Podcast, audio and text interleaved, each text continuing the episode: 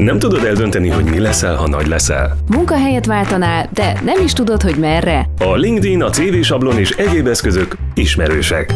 Mi azonban tanácssal segítünk. A Paprika Rádió, a K és a Magyar Ifjúsági Központ Egyesület mindenféle munkához kötődő tanácssal vértesz fel.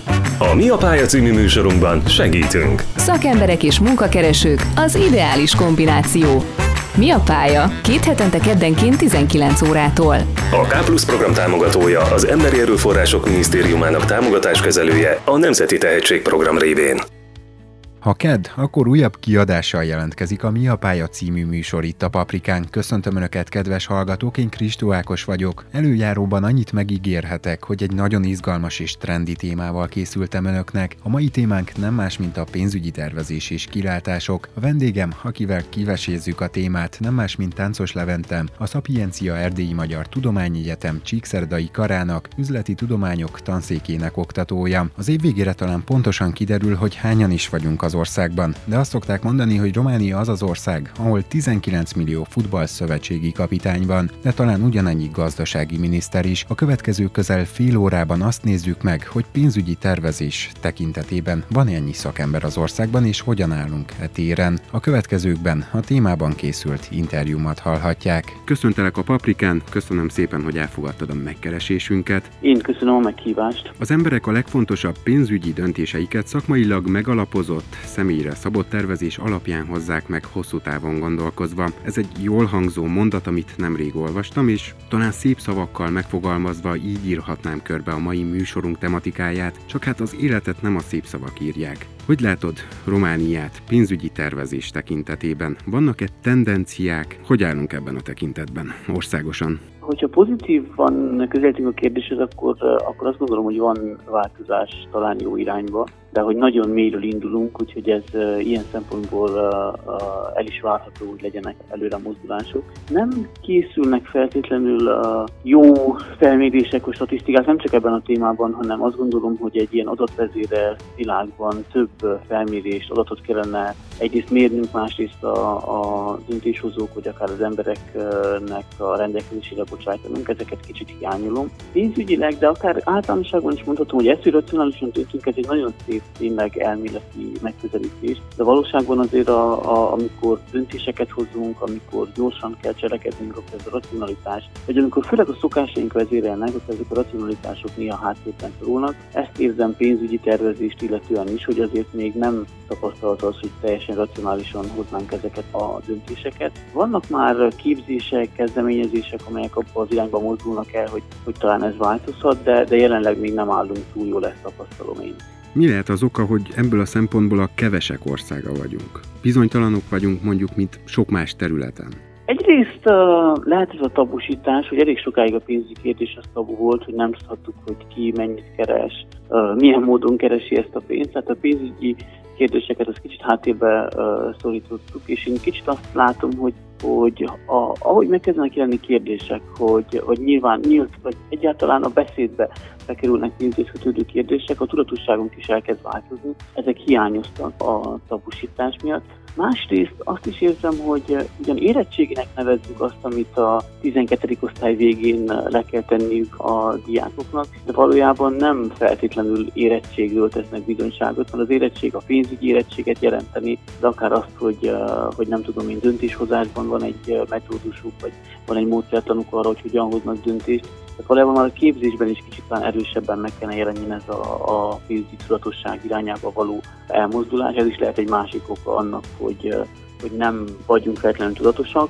Képzésben megpróbálnánk ezt erőteljesebben megjeleníteni, akár már az általános képzésben, tehát nem csak fizetős képzések vannak, ahol elmehetünk és kicsit erről hanem már az általános műveltség része vál, részévé válhatna ez a pénzügyzatosság kérdés. Másrészt pedig, hogyha a közbeszédünkbe bekerülnek ilyen kérdések, mint ahogy most mi erről beszélgetünk, akkor azt gondolom az is előre mutatható, előre mutató lehet meg is előlegezted a következő kérdésemet, ami arra vonatkozott volna, hogy miért lehet az, hogy tőlünk nyugatabbra ez is jobban megy, mert hogy mondjuk ott az általános képzés, vagy már az általános iskolában része a tantervnek a pénzügyi nevelés, és akkor így egy nagyobb előnyel indulnak a diákok, hogy hogyan tervezzenek, hogyan tudnak esetleg majd spórolni. Mit tapasztalsz egyetemi oktatóként, hogy egy frissen végzett középiskolás diáknak milyen szokásai vannak ezen a téren? Egyrészt azért nehéz ez a kérdés, mert hogy nehezen beszélhetünk még szokásokról, mert nem feltétlenül kell még pénzügyi döntéseket hozzon. Ez egy csapda helyzet is, mert azt érezzük, hogy neki még nem annyira fontos ez a kérdés, mint amikor már havi rendszeres bevétele van, és azzal kellene gazdálkodnia. Viszont azt látom, hogy pont most ebb, abban az időszakban lehetne jobban megtanulni, amikor nem annyira súlyosak ezek a pénzügyi döntések, és nem azon múlnak a döntése, hogy fent tudja tartani a családot, vagy nem. Tehát pont ebben az időszakban lehetne megtanulni olyan trükköket, szokásokat, amelyek a későbbiekben hasznosak lehetnek, tehát hogy ez, ezt ilyen szempontból fontosnak gondolnám. Másrészt azért vannak uh, nyitott az, aki, aki már eleve úgy érkezik, hogy, hogy ez a kérdés érdekli, vagy ha erről beszélgetünk, akkor uh, akkor érdeklődő, de természetesen kicsit az oktatás tehetetlensége is jelentős. Tehát, hogy, hogy mindig a, az alaptantárgyak, tehát hogy nagyon nehéz lenne még betenni mondjuk képzést az iskolába úgy, hogyha nem áldozunk fel valamit. Mert akkor így is talán mondhatjuk azt, hogy túlterheltek a, a, a diákok, és hogyha még teletolnánk mondjuk olyan dolgok, amit fontosnak gondolunk ugyan, de nem áldoznánk be más valamilyen tematikákat, akkor ez valójában csak túlterhelni tovább a rendszert, ezért nagyon nehéz ez a változás, hogy fog bekövetkezni. De azt gondolom, hogy, hogy idővel rájövünk, vagy hogyha modern szemléletben működő, akár magán, akár más olyan iskolákat nézünk, akik valamilyen új rendszert próbálnak meg, meghonosítani, akár mondjuk a, a Budapest Schoolnak a kezdeményezése, azok, azok mind-mind abból a szempontból indulnak ki, hogy, hogy mi az, ami, ami hasznos tudás lehet a, a hallgatóknak, és ez a, ez a pénzügyi tudatosságot, ezt teljesen ennek gondolom. És mondom, hogy azt tapasztalom, hogy nincsenek még szokásaik, vagy nem beszélhetünk ennyire arról, hogy hogy lennének pénzügyi szokásaik, viszont fontos lenne, hogyha ez elkezdődne már ebben a korban kialakulni, mert később, amikor már tényleg racionálisan kellene döntést hozzunk, és a döntéseinken sokkal több múlik, akkor, akkor hasznosabb lenne, ha már kialakult szokásaik lennének. És amellett, hogy időt és keretet szoríthatnánk a tantervekben, mi lehet még egy fontos szempont? Egy középiskolai diák, vagy akár egyetemet nemrég megkezdett diák esetében. Akár a család bejöhet, mint szempont, mint egy irányadó Igen, egyértelműen példa. nem szeretném a, az oktatásra vinni teljes felelősséget, mert, mert az egyéni felelősséget nem kerülhetjük meg. Alapvetően a családban tapasztalt mintáknak nagyon erős hatása, amiket fel kell ismerni, hogy mi volt az a minta, amit hozunk. Még akkor is hozunk valamilyen mintát, hogyha, hogyha a családban tabu téma volt, és soha nem beszéltünk a pénzügyekről, vagy folyamatosan azt hallottuk, hogy, hogy erre nincs pénz, vagy arra nincs pénz esetleg. De bármilyen mintát hozunk, még ha nem is tudatosan, biztos, hogy egy jelentős hatással van ránk. Ezért az egyéni felelősséget mindenképp fontosnak gondolom azt, hogy, hogy felismerjük ezeket a mintákat, hogyha úgy érezzük, hogy azok nem felelnek meg a mi elvárásainknak, azt próbáljuk akár megváltoztatni, vagy módosítani rajta, vagy, vagy tanulni azt, hogy hogyan lehetne uh, módosítani. Tehát, hogy, hogy nem gondolom, hogy a teljes felelősség az oktatásra lenne átruházható. Az oktatás támogathatná a változást, de hogy, a, de hogy azt is valamilyen módon tudatosítanunk kellene, hogy, hogy jelentős egyéni felelősség is van ebben a területben is. Ha már középiskola és egyetem, lehet megfelelően karriert megalapozó szakot választani. Már mondjuk abból a szempontból, hogy az adott szak előreláthatólag középtávon is még megfizetett, vagy egyáltalán létező iparág lesz. Igen, ez egy nagyon jó kérdés, hogy hogy hogyan kellene választunk karriert, főként úgy, hogy, hogy amikor döntünk, akkor még nem teljesen látjuk ezt, hogy ez egyrészt egy gyorsan változó világban döntünk most már, ugye, illetve nem teljesen látjuk azt, hogy, hogy milyen kívásai vannak ennek a területnek. Ugye vannak országok, ahol középiskolás egyetem között egy évet önkénteskednek, kihagynak azért, hogy jobb döntés hozhassanak, ez sem lehet feltétlenül egy rossz megoldás. A konkrét kérdésre uh, visszatérve, azt gondolom, hogy, hogy először a, a magunk képességeinek, készségeinek a megismerését tartanám fontosnak, mert abból adódik, hogy biztosan van négy-öt olyan szakma, ami, ami nekünk jó lehet, amiben jól éreznénk magunkban, ami jól tudunk teljesíteni, és majd utána gondolom azt relevánsnak megvizsgálni, ebből a négy-ötből melyik lehet az, ami hosszú távon egyébként mondjuk egy prosperáló szakma lehet. Mert bármilyen menő szakmát választunk, hogyha nem tudunk benne kitartóak, motiváltak lenni azért, mert, mert nem érdekel minket, mert úgy érezzük, hogy nem a mi képességeinkhez szabott, akkor nem fogunk tudni egyrészt jól teljesíteni, másrészt meg egy folyamatos mentális nyomás lesz, hogy olyan munkát végzek, amit igazából valaki rám kényszerített. Még akkor is, hogyha ez én magam voltam, aki magamra kényszerítettem, vagy lehet, hogy a tanáraink, szüleink, és ez nem, nem fog azt gondolom, hogy egy hosszú távon jól működő történet lenni. Tehát, hogy, hogy inkább fontosnak gondolom, hogy megismerni azokat a képességeket, készségeket, vagy ezzel foglalkozni valamennyit, ami nekem hasznos lehet. Ebben már azért indulnak karriertanácsadó megoldások, akár iskolán belül, de vannak független civil szervezetek is, akik ezzel próbálnak foglalkozni, és, és utána megnézni, hogy az, mi az, ami nekem leginkább megfelelő lehet négy-öt szakterület, és azok közül választani ki, azt mondom, azt, amelyik, amik szerintem talán leginkább lehet a jövőben prosperáló megelőlegezted újból a következő kérdésem, ami arra vonatkozott volna, hogy mennyire írható felül a piacgazdaságban tapasztalható megfizetettség, és mondjuk egy gyerek érdeklődési köre. Hoztam volna egy példát, ami arra vonatkozott volna, hogy van egy gyerek, aki mondjuk a vendéglátásban látta volna a jövőt, kocsmát, bárt, bármit létrehozott volna, de szemben lát egy álláshirdetést, mondjuk egy IT-sat, ami megtérülési arányát tekintve valószínűleg jóval hamarabb jött volna, de hogy mennyire kivitelezhető ez, meg személyi szempontból, hogy az attitűdök hogyan változnak egy idő után, de a következő kérdésem meg arra vonatkozna, hogy a biztosnak mondható állami munkahely versus a versenypiac kínál nagyobb karriertervezési lehetőséget. Mert ugye az állami az egy viszonylag biztos munkahely, piacgazdaságban, meg a versenypiacon ott azért nagyobb előrelépést lehet rövidebb idő alatt elérni. Csak ott van egy hátulütő, hogy egy idő után be kell menni, mert hogy jobban rákényszerül az adott diák, vagy az adott végzet, hogy teljesítmény arányosan teljesítsen. Igen, ez is uh, nagyon egyénfüggő. Talán azt tapasztalom, hogy uh, hogy az állami szférának a rugalmatlansága, a bürokráciának a nagysága, illetve az, hogy a, az állami szférában az elvégzett munkának az eredményei sokkal később jelennek meg, tehát hogy valójában sokkal több folyamaton át kell menni ahhoz, hogy eredményt el tudjunk érni, az a, a mai fiatalok azonnali visszajelzés igényéhez képest nem teljesen megfelelő, tehát hogy általánosságban inkább nem érzik jól magukat az állami szférában, de ettől függetlenül egyébként lehet olyan, akinek pont ez a megfelelő, van egy biztonság, van egy ilyen szempontból, valamilyen szempontból rutin, hogy megtanuljuk, hogy mit kell ott csinálni, és azokat végig csináljuk, és annak majd idővel lesz eredménye de valójában nem látom azt, hogy, hogy ez, tehát lenne az, hogy csak versenyszférában menjen mindenki, vagy csak állami szférában, mert az hosszú távon jó, hanem megint visszatérek hogy oda, hogy, hogy, hogy megismerni azt, hogy mik az ő elvárásai, készségei, hogyan tud egyikben másikban viszonyulni. Tehát az sem elhanyagolható tény, hogy fontosnak gondolom, hogy,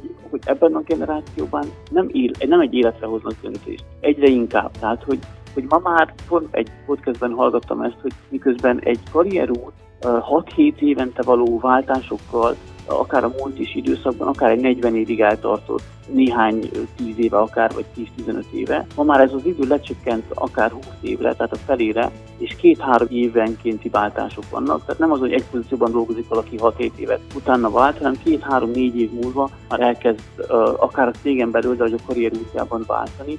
Valójában megengedhetik maguknak azt, hogy kipróbálnak, kipróbálják egyiket vagy másikat, majd az alapján döntenek, hogy melyik irány az, amelyik nekik uh, uh, megfelelő. De a mi generációnkban is keves, kevésbé voltunk azt gondolom, amikor 20 évvel ezelőtt döntöttünk rugalmasak, tehát hogy sokkal inkább azt gondoltuk, hogy ez a munkahely akár 5-6-10 évig tudja meghatározni az életünket. Ma már egyébként sokkal rugalmasabb. Erre panaszkodnak is egyébként a, a munkaadók, hogy hogy, hogy a fiatalok nem hajlandóak 6-7 évig ugyanazt csinálni, de valójában ez, ez előny is az ők szempontjukból, hogy nyugodtan kipróbálhatják akár mindkettőt, és majd hoznak egy döntést, hogy mi az, aminek megfelelő. Ha már munkahely, mint oktató, hogy látod, mennyire lehet felkészíteni egy diákot a munkaerőpiacon való első elhelyezkedésre? Itt gondolok akár bértárgyalásra, időközi bértárgyalásra, munkaidő megbeszélésre, bármi, ami kapcsolódhat a témához. Azt gondolom, hogy egyetemenként vannak erre kísérleteink, hogy szakkollégiumokban, pluszkörökben akár erre is figyelmet fordítsunk. Persze hát ugyanúgy az egyetemi oktatásban is megvan a tehetetlenség, hogy van egyfajta módszertanunk, amit, amit tovább viszünk, amit, amit szeretnénk mindenképp, hogyha, hogyha a hallgatóink megtanulnának, de, de bennünk mindenképp megvan a, a nyitottság, azt érzem, hogy, hogy ebbe az irányba is elmozduljunk. Egyrészt a hallgatókban is fontosnak gondolom ezt a tudatosságot, hogy hogy, hogy eleve már próbálnak erre készülni, hogy milyen helyzetekbe fognak kerülni, illetve kicsit ezt a fókusz megnézni, hogy valószínűleg, hogy uh, most a, a mi szakmámban nézve az állásinterjú nem mikrotételeket fognak kérdezni, hogy nem ezen múlik, hanem, hanem csomó egyében, hogy hogyan tud reagálni adott helyzetben, hogyan tudja stresszet kezelni, és ez nem lehet feltétlenül elméleti alapon, vagy azt gondolom, hogy nem lehet elméleti alapon megtanítani, ezért jó, hogyha ők már bekapcsolódnak hallgatói önkormányzati szakkollégiumi munkákba, ahol nem tudom, meg kell szervezni rendezvényt, ahol van egy adott stressz helyzet, hogy hogy meg kell oldani különböző váratlan helyzeteket, akár legyen az hangosítás, vagy legyen az valamilyen szervezési szállást kell szerezni, hogy, hogy érezzék, legyen, legyen úgymond védett környezetben tapasztalatuk ezekről a helyzetekről, amikor még nem a munkahelyen múlik rajta, hanem csak az adott rendezvénynek mondjuk a, a sikeressége. És hogy ezeket, tehát hogy, hogy itt is a közös felelősséget hozom be kicsit, hogy, hogy meg kell próbálnunk nekünk egyetemként lehetőséget adni, hogy ilyen helyzetekbe keveredjenek a hallgatók. Egyéni felelősségünk pedig az, hogy, hogy ők próbáljanak ilyen helyzetekbe keveredni, már hogy ez egy védett környezet az egyetemen még, és, és ebben a védett környezetben megtanulni egy-két olyan készséget, amit később hasznos lehet. És mondjuk, hogyha megvan az a bűvös öt év, amit nagyon sok munkaadó kér az alkalmazáshoz, és ha van egy adott diák, akinek sikerült összehozni a 20-as évei elején ezt az öt évet, mennyire indul előnyel egy következő tárgyaláson, hogy arról van szó, hogy mondjuk iparágat is váltana? mennyire fontos az előzetes tudás, hogy mennyire tudnak rugalmasak lenni az adott munkaadók, hogy megvárják, hogy az adott iparákhoz illeszkedjen az adott jelentkező. Mindenképp azt gondolom, hogy az első váltás után már jobb helyzetben uh, vannak, legyen az akár igen, öt év, azért mert hogy már lesz olyan munkatapasztalatuk, ami már nem feltétlenül csak az elméleti képzésről uh, szól, és a vállalkozókkal való beszélgetésekben ezt is uh, időközönként kiemeljük, hogy hogy az ők elvárásuk az lenne, vagy az a, a visszajelzés az életempadjából kikerülve, ő még a, nem annyira hasznos az ő munkájában, mert még, még elméleti szinten tud egy csomó mindent, nem, nem kell felelősséget vállaljon feltétlenül, nem kellett uh, ilyen intenzíven mondjuk egymásra utaltan megcsinálni feladatokat. Tehát, hogy azt gondolom, hogy a vállalatok is értékelik azt, hogyha már van néhány év uh, tapasztalat. Nem feltétlenül a tudás miatt, hanem inkább ez a nehezebben mérhető szoft képességek miatt lehet ez érdekes. És az, hogy most iparágat vált akár öt év után, még is fontos az, hogy van néhány év tapasztalata. Illetve ugye ma már főként amiatt is, hogy mondjuk pont az IT-iparban van jelentős nyomás az, hogy, hogy munkaerő hiány van és átképzés, hogy ott, ott jelentősen próbálnak eszközöket arra, hogy, hogy akár teljesen másik területről érkező munkatársakat át tudjanak képezni, és, és lassan tényleg minden városban elérhető olyan átképző programozó program, ahol, ahol nem tudom, fél év alatt, vagy akár rövidebb idő alatt is, de az nem, nem tudom mennyire hatékony, de mondjuk egy fél éves intenzív képzés alatt megtanulják azokat az alapokat, amitől akár programozóként elhelyezkedhet. Tehát, hogy érzem ezt a nyomást a vállalkozásokon is, ahol, ahol munkaerő hiány van, hogy, hogy legyen saját megoldása arra, hogy képezze a saját munkatársait, és, és a kiválasztásnál inkább arra figyeljen, hogy nyitott tanulni, tanulásra nyitott vagy tanulás iránt elkötelezett munkatársakat találjon. És ha már megvan az adott munkahely, iparáktól függetlenül, és egy biztos alap, amire lehet építeni a hétköznapokat, milyen sporolási tippeket, megtakarítási tippeket adnál fiatalok számára? És ne vegyük figyelembe, hogy a legutóbbi statisztikai hivatalok szerint Romániában 10,2%-os volt az infláció, úgyhogy a párnám alatt tartom a pénzem, talán nem játszik már annyira. Ö, igen, egyértelmű, hogy, uh, hogy ma a párnámban tartott pénz az nem teljesen jó opció erre a történetre. Egyrészt ugye az első kihívás igen az, hogy hogy ilyen nagyon-nagyon egyszerű képlet van, ugye, hogy a megtakarítás az a jövedelmei mínusz a kiadásai, és hogy, hogy vagy a jövedelmemet tudom növelni, vagy a költségeimet csökkenteni, és erre irányuló ötletek lehetnek. Én azt gondolom, hogy amikor még kisebb jövedelemmel rendelkezünk, akkor jó megtanulni egyrészt szokásokat, hogy milyen szokásokat vezetek be, és remélhetőleg, ahogy a jövedelmem fog növekedni, ugye, ahogy haladok előre a karrieremben, és ha próbálok figyelni arra, hogy a költségeim ne ugyanolyan arányban növekedjenek, mint a jövedelmeim, akkor egyre nő, nőhet ez a megtakarítás gap. Az első dolog azt gondolom az, hogy figyeljünk erre. Tehát tudatosak legyünk abban, hogy, hogy követjük, hogy hogyan nő a jövedelmünk, hogyan nőnek a költségeink. Ha már nagyon sok olyan applikáció van, amivel lehet személyi pénzeket követni, sőt ma már több olyan applikációnak van romániai megoldása is, hogy ma már többnyire ugye bankban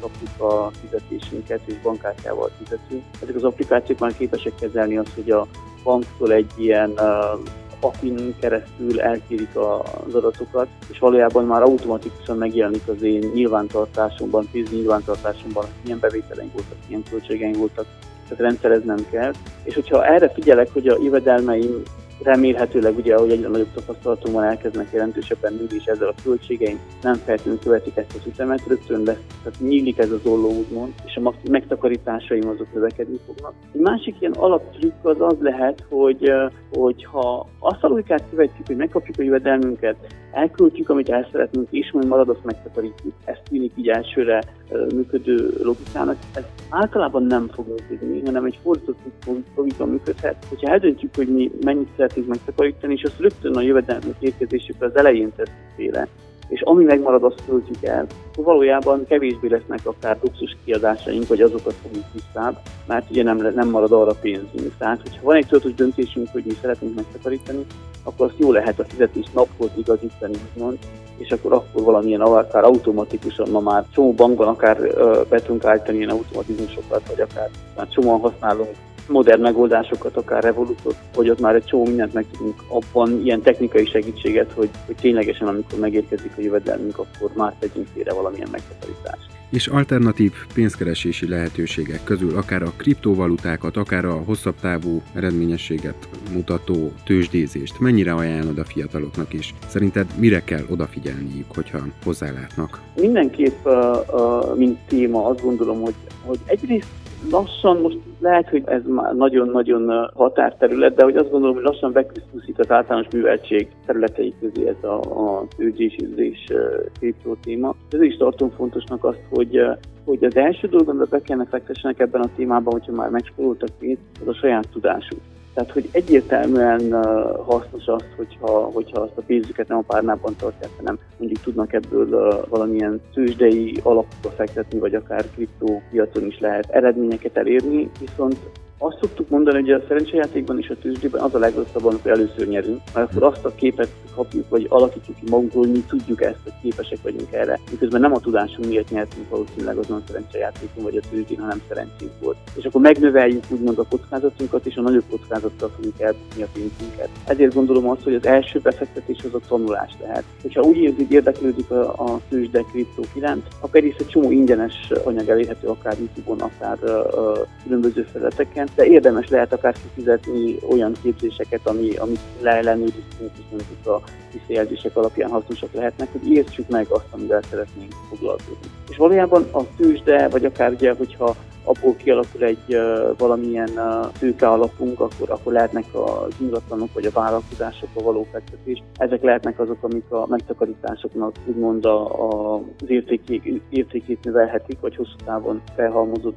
apró spórolásaink egy nagyobb értéket tudnak képviselni. De mindenikben ezt gondolom, hogy először azzal foglalkozunk, hogy, hogy képezzük magunkat, megismerjük azt, amivel bele szeretnénk fektetni, és utána meg lesz egy fokozatosság. Eleve van fokozatosság, mert általában kisebb kockázattal indulunk, mert nem ismerjük, tehát megvan bennünk még ez a zsigeri hozzáállás, hogy nem rögtön az egész pénzünket kockáztatjuk. De hogyha az a kis kockázatainkkal uh, nyerességeket érünk el, akkor rögtön az az érzésünk lesz, hogy mi ezt tudjuk, mi ezt értjük és majd a nagyobb kockázattal fogunk veszíteni, és ez a nagyobb veszély. Ezért gondolom azt, hogy, hogy ebből a megtakarításainkból nyugodtan az elején költsünk magunk. Ez lehet akár a saját szakmában is, nem kell a tőzsde irányába elmenni. Tehát, hogy a megtakarításainknak a beruházás része, amit a legjobban tudunk kontrollálni, az a saját képzéseink. Tehát lehet az, hogy a, nem tudom, az éves megtakarításainkból kifizetünk egy valami olyan képzést, amit a saját szakmánkban lépünk előre, ettől a jövedelmünk ismét egy szintet tud ugrani, ha a költségeink nem követik, akkor meg megint nagyobb lesz a, a megtakarításunk. Tehát valójában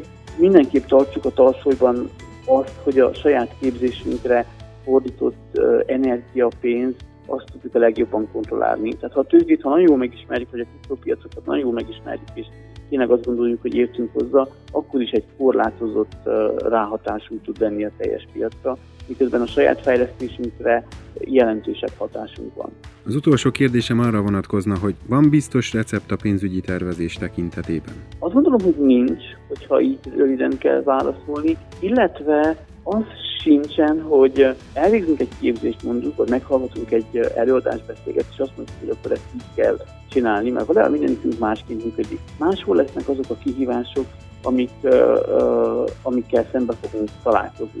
És egy személyes példát hozok, hogy, uh, hogy a, a, egy hosszabb trénerképző végeztem el, ahol az első néhány alkalommal ugyanaz a tréner volt. És akkor megtanultuk, vagy az, az, az a, a kép alakult ki bennünk, hogy ez a, így kell kinézni egy tréner, ezekkel a módszerekkel, ezekkel, ezzel a habitussal, attitűddel, és akkor a tréner képző során egy következő tréningen egy, egy tréning pár jött, vagy tréning, vagy tréner páros, akik egy teljesen más módszert hoztak, egyrészt páros vezetés volt, és akkor azt néztük, hogy hát ezek nem is jó trénerek. Tehát, hogy, ők egyáltalán nem úgy csinálják, hogy mi ezt eddig megtanultuk. És egy nagy tanulság volt az nekem belőle idővel, hogy valójában nem csinálták rosszul, csak ők más módszert használtak és másként. És azt tanultam ebből, hogy nekem trénerként is meg kell tanulnom a saját módszereimet, amitől hiteles tudok lenni. És ezért gondolom azt, hogy pénzügyi tudatosság szempontjából is valószínűleg több mindent meg kell hallgatni, több szempontot meg kell nézni, és meg kell találnunk azt, ami nekünk tutira fog működni, vagy biztosan fog működni, és ne keseredjünk el azon, hogyha valaki mond egy tuti megoldás, hogy ez neki nagyon bevált, és mi elkezdjük használni, és nekünk mégsem működik. Ez nem azt jelenti, hogy mi buták vagyunk és alkalmatlanok lennénk erre, vagy hogy, hogy ez a módszer rossz, de ez a módszer nekünk rossz, és akkor próbáljunk meg egy másikat, vagy megpróbálni egy-egy részét cserélni, amitől lesz egy saját módszerünk, és és ezért nyitottan kezeljük ezt a helyzetet, és nincsen tuti módszer ugyan a pénzügyeink kezelésére, de lehet, hogy van egy biztos, hogy közeli módszer, ami, ami csak nekünk jó, vagy ami nekünk valamilyen módon működik. Tehát zászlóként elmondhatjuk, hogy a személy áll a fókuszban, és a meg annyi lehetőség, amit a mai világ kínál, az pedig másodlagos is hozzá kell rendelni a személyhez. Akár igen, tehát hogy, hogy mindenképp, az, hogy, hogy az egyéni felelősséget sem kellene túl misztifikálni feltenni, hogy a világ minden problémát nem nekünk kell megoldani, csak hogy valójában legyen ez is benne a talomban, igen, hogy, hogy hogy nézzük meg azt, hogy nekünk mi az, ami működik. A világ nagy, amúgy is óriási választási lehetőségei közül, és fontosnak gondolom azt, hogy ne érezzük mentális nyomásnak vagy frusztrációnak azt, hogyha egy adott módszer nekünk nem működik, pedig a világ azt mondja, hogy ennek működnie kell, mert ennél sokkal színesebb, meg érdekesebb a világ, és, és azt jelenti csak, hogy mi még nem találtuk meg azt a megoldást, ami nekünk nagyon szépen köszönöm a tartalmas válaszokat a fiatalok nevében is, és köszönöm, hogy elfogadtad a megkeresésünket. Én köszönöm, hogy erről a kérdésről beszélgethettünk, mert azt gondolom, hogy ez, ez mindenképp előre visz, hogyha ilyen témákat fontolgatunk, úgyhogy köszönöm a meghívást. A műsor elején volt egy mindenki által ismert felvetés, miszerint 19 millió futballszövetségi kapitány is lehet az országban, de akár ugyanennyi gazdasági miniszter. A döntést önökre bízom. Döntsék el, hányan is vagyunk az országban, akik jól tervezik a pénzügyeiket. Az elmúlt közel fél órában a Szapiencia Erdély Magyar Tudományegyetem Csíkszeredai Karának oktatója, Táncos Levente volt a vendégem. Mára ennyit ebből a fajtából. Én köszönöm, hogy velünk tartottak. Kívánok mindenkinek kiváló pénzügyi döntéseket. Amik mikrofon mögött Kristó Ákost hallották a Viszont hallásra. Nem is tudod, hogy merre? A LinkedIn, a CV sablon és egyéb eszközök ismerősek. Mi azonban tanácssal segítünk. A Paprika Rádió, a K és a Magyar Ifjúsági Központ Egyesület mindenféle munkához kötődő tanácssal vértesz fel. A Mi a Pálya című műsorunkban segítünk. Szakemberek és munkakeresők az ideális kombináció. Mi a pálya? Két hetente keddenként 19 órától. A K Plus program támogatója az Emberi Erőforrások Minisztériumának támogatáskezelője a Nemzeti Tehetségprogram révén.